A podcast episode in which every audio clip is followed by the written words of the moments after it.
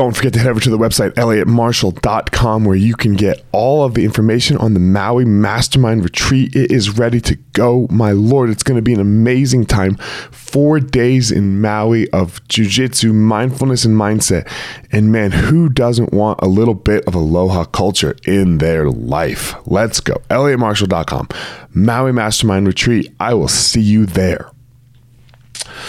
My ninjas, I hope you're doing well and I hope you're uh, enjoying your week or whenever it is that you are listening to this, and I hope it started well.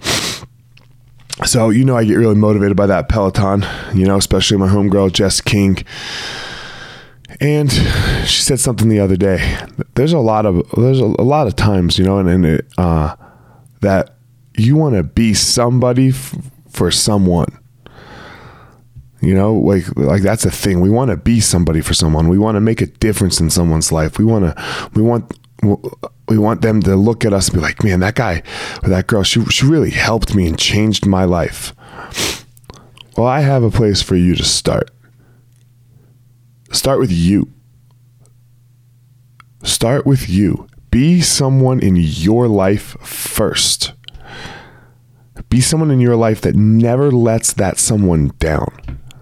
Be someone with that shows up at every moment of their life, which is your life, with integrity. A lot we, we want things sometimes, but we haven't earned them yet. Why would anybody listen?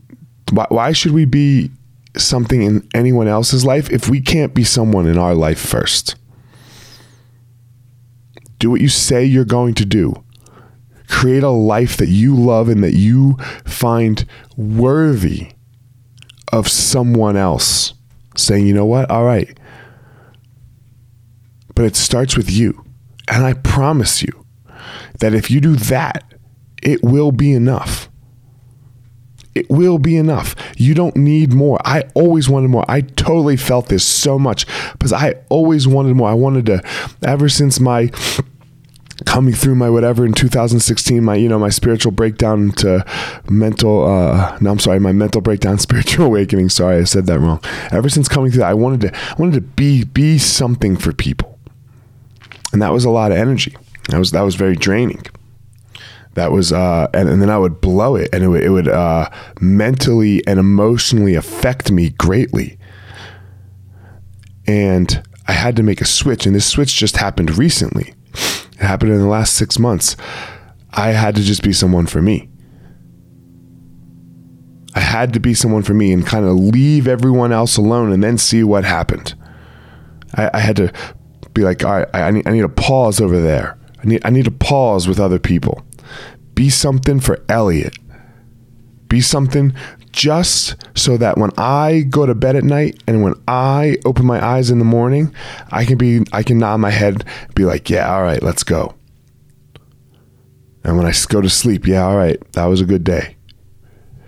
I couldn't lean so much on the the things that others wanted from me or the or how I could help them. I had to be someone for Elliott. I had to help Elliott. I had to really get in touch with what Elliott's needs were so that I could fulfill them. Because if I'm not fulfilling my own needs, then I can't be anything for anyone else. How could I show up consistently if my needs are based on someone else and what they might need? Mm, it doesn't work that way. It can't. And it's a hard lesson I had to learn. I had to show up for Elliott. Show up for yourselves. Show up with integrity. Show up with loyalty. Show up with trust. Show up with passion. Show up with purpose.